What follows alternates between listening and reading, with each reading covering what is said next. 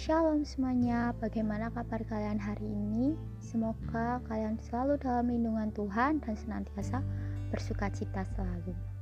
Hari ini aku akan membagikan sedikit renungan untuk setiap kalian yang mendengarkan renungan hari ini.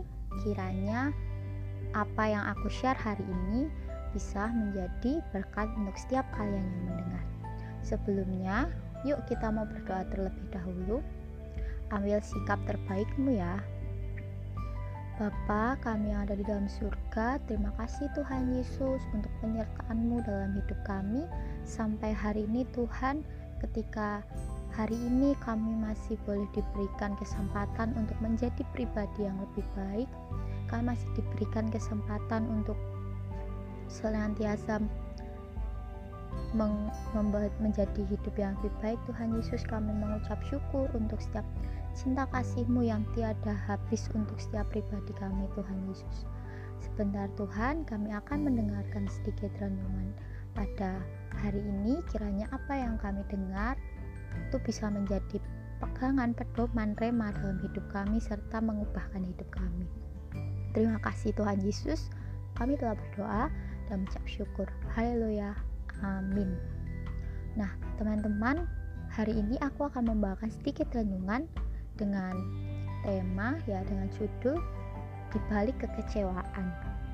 Teman-teman bisa buka Alkitab kalian masing-masing dalam Filipi 1 ayat 12 sampai yang ke-26.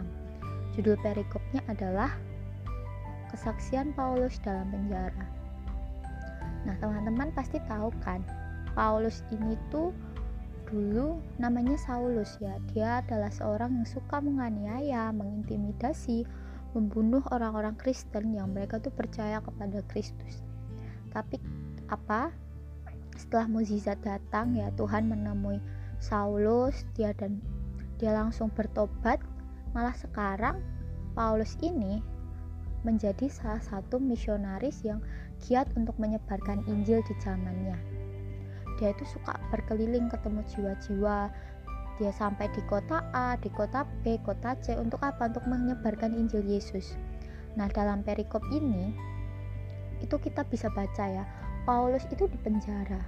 Kenapa Paulus bisa di penjara?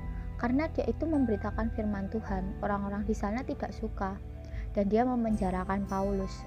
Nah, secara manusia, secara manusia pasti Paulus kecewa gitu kan. Dia melakukan hal yang baik, tapi apa? Tapi malah dipenjara. Secara manusia kecewa kita pun pasti juga akan kecewa.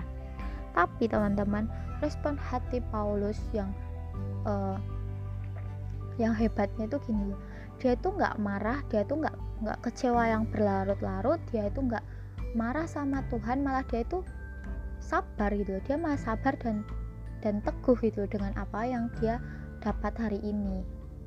Mungkin kalau kita yang ada di posisi Paulus pasti kita sudah protes dengan Tuhan. Kenapa sih Tuhan? Aku tuh sudah melakukan hal yang baik tapi kenapa dapatnya seperti ini? Pasti kita akan seperti itu teman-teman. Tapi Paulus mengajarkan kita untuk sabar dan teguh untuk menghadapi apa pun yang saat ini kau alami hal-hal yang membuat engkau kecewa.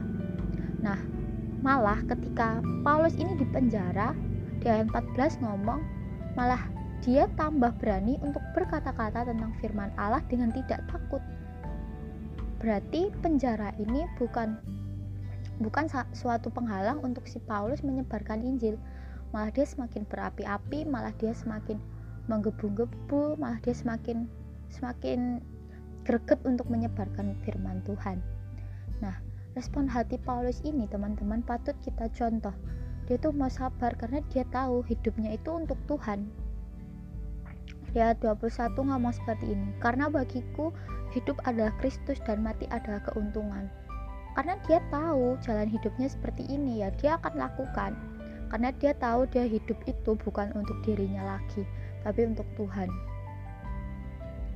Dan di ayat yang ke-22 ya lanjut tetapi jika aku harus hidup di dunia ini itu berarti bagiku bekerja memberikan buah jadi mana yang harus kupilih aku tidak tahu. Kita hidup di sini itu bukan hanya untuk santai-santai saja. Kita hidup di dunia itu bukan hanya untuk untuk diri kita sendiri tapi kita juga untuk orang lain teman-teman banyak orang-orang di luar sana itu yang belum kenal Tuhan Yesus dan Tuhan pakai kita untuk menyebarkan Injilnya nah teman-teman kita tuh boleh kecewa gitu kan. Kita masih hidup di dalam daging kita boleh kecewa dengan keadaan yang terjadi dalam hidup kita. Kita boleh kecewa dengan orang tua kita kita boleh kecewa dengan mama papa kita saudara teman sahabat partner kerja apa pun kita boleh kecewa karena karena perilakunya terhadap kita. Tapi ayo belajar merespon seperti Paulus. Karena dia yakin ada satu hal yang indah di balik kekecewaannya Tuhan tuh nggak mungkin bikin anaknya itu kecewa terus-terusan. Di balik kekecewaan Tuhan tuh akan menyediakan satu hal yang selama ini kita tidak pernah duga dan ini adalah goalnya gitu loh. Ada lirik lagu yang ngomong seperti ini seperti pelangi sehabis hujan.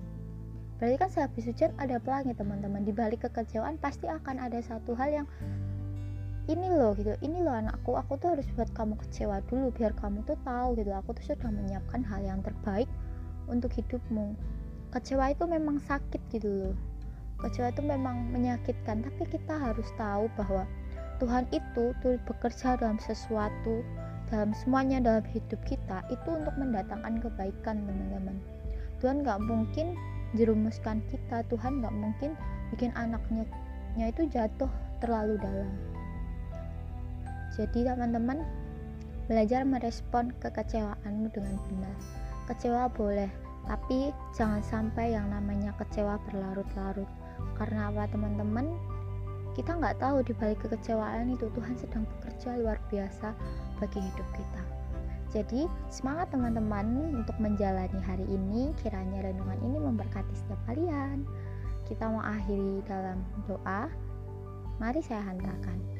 Tuhan Yesus, terima kasih untuk hari ini. Terima kasih untuk renungan pada hari ini Tuhan. Ajari kami Tuhan untuk merespon setiap kekecewaan yang terjadi dalam hidup kami dengan benar Tuhan. Kami tahu Tuhan, kami masih manusia, kami masih hidup dalam daging, kami masih bisa kecewa, tapi kami percaya Tuhan, di balik kekecewaan kami, Engkau sedang bekerja luar biasa untuk hidup kami. Terima kasih Tuhan Yesus, kami telah berdoa dan menjawab syukur. Haleluya. Amin. Terima kasih semuanya yang sudah mendengarkan renungan ini. Kiranya setiap kalian yang mendengar bisa terberkati dan God bless you.